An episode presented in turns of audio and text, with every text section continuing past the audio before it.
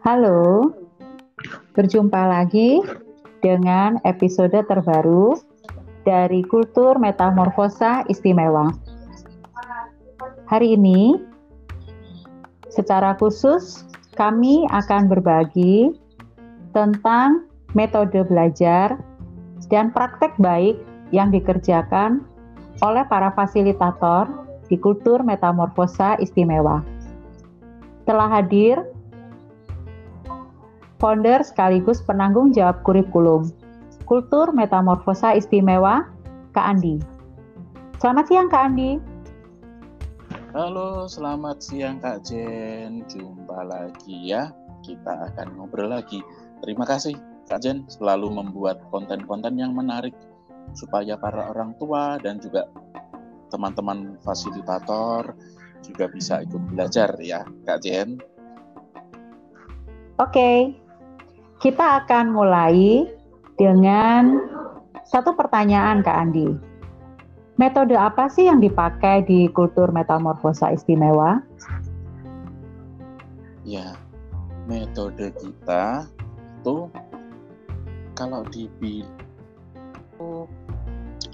ya namanya juga kita ya uh, pada jalur alternatif jadi metode yang kita pakai adalah metode yang memang benar-benar tepat untuk masing-masing anak. Jadi yang perlu kita garis garis bawahi adalah masing-masing anak. Jadi misalkan kita punya ini nih, punya 10 10 katakanlah 10 siswa. Nah, mereka masing-masing punya metode sendiri-sendiri. Gitu Kak Jen. Menarik itu Kak Andi langkah-langkah yang harus dilakukan oleh orang tua baru ketika memasuki kultur metamorfosa istimewa itu dari tahap apa saja Kak Andi? Nah, oke, okay. karena ini masing-masing ya kita akan meyakini anak-anak itu dilahirkan beragam. Mereka punya karakteristik masing-masing, mereka punya potensi masing-masing. Maka yang harus dilakukan adalah tahap awal observasi, Kak. Ya, observasi itu dilakukan oleh ya kita bekerja sama dengan uh, dokter ya, dokter spesialis untuk uh, mengobservasi kemampuan masing-masing anak. Kemudian nanti itu dipakai sebagai acuan buat kita untuk menyusun apa sih metode yang tepat untuk si anak. Jadi ada dokternya dulu ya supaya kita tidak salah untuk melakukan treatment kepada teman-teman kecil kita. Kita sebut teman-teman kecil aja ya kak ya, bukan siswa atau murid ya kak ya. Kita kan bukan guru. Oke, tadi disebutkan observasi dan yang dilakukan oleh kultur metamorfosa istimewa, kita bekerja sama dengan figure action. Di sini ada teman kita, sahabat kita, yang akan memandu para orang tua untuk mengetahui kemampuan fungsi otak dari si anak. Kenapa ini diperlukan? Agar nanti pada saat kita pertama kali mem membuat program disesuaikan dengan kemampuan yang saat ini sedang uh, dipunyai. Jadi kita tidak berfokus hanya kepada satu aspek, tetapi keseluruhan aspek sensori. Itu yang aku ketahui loh Kak Andi dari sahabat kita figure action. Lalu setelah observasi, langkah berikutnya apa ya Kak Andi? Nah, setelah observasi, baru kita menyesuaikan dengan Nah, ini yang nggak nggak kalah penting ya kak ya, bukan hanya potensi, tetapi dengan kebutuhan anak. Nggak mungkin kita kasih uh, anak itu kue, sedangkan yang dia butuhkan itu adalah air minum. Nah, ibaratnya seperti itu. Jadi kita sesuaikan uh, hari demi hari, kemudian uh, program itu akan berjalan kita evaluasi setiap minggu dari apa yang sudah kita lakukan setiap hari. Begitu Kak Jen. Berarti ada kesepakatan dulu ya dengan orang tua ya Kak?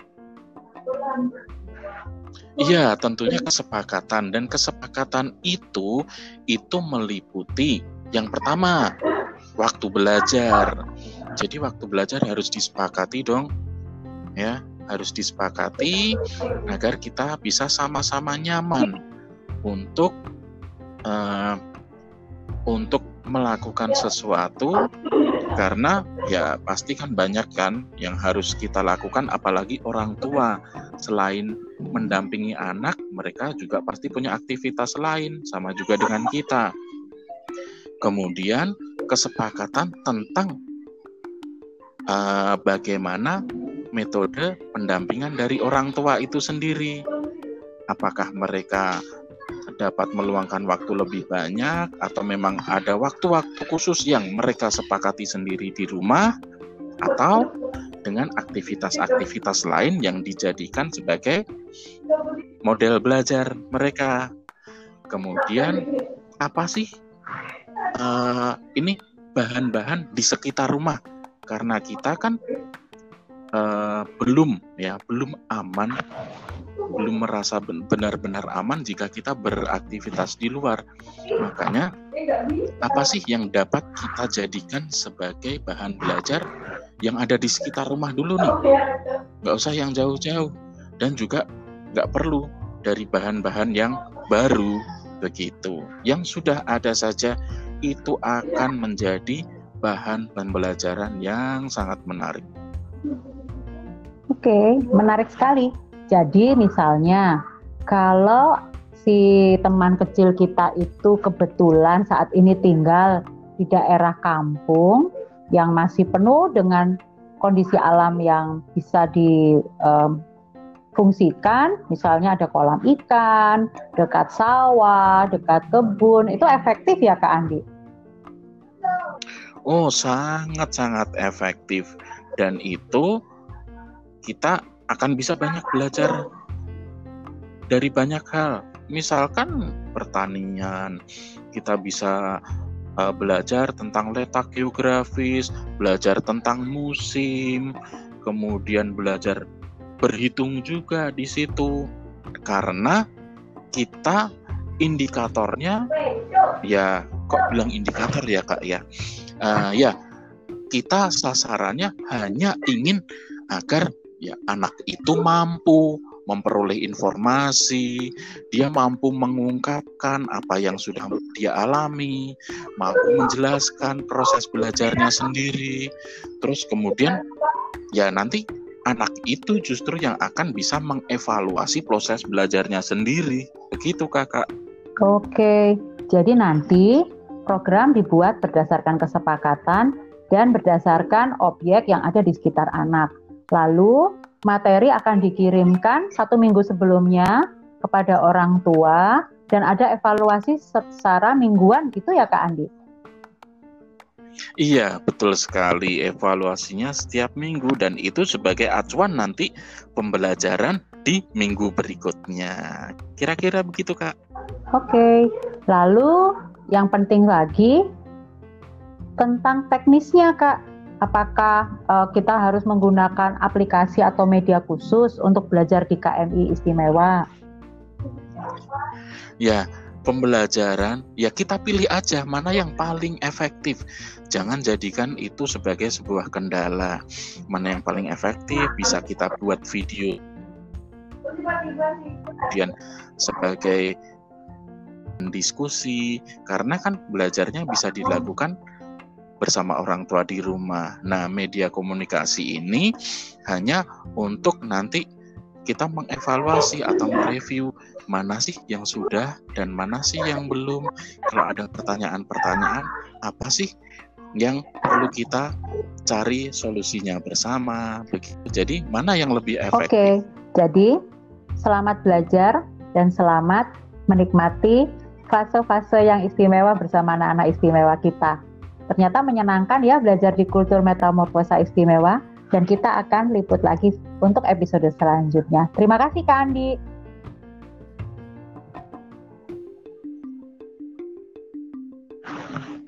Stay tune. Terima kasih. Bye bye.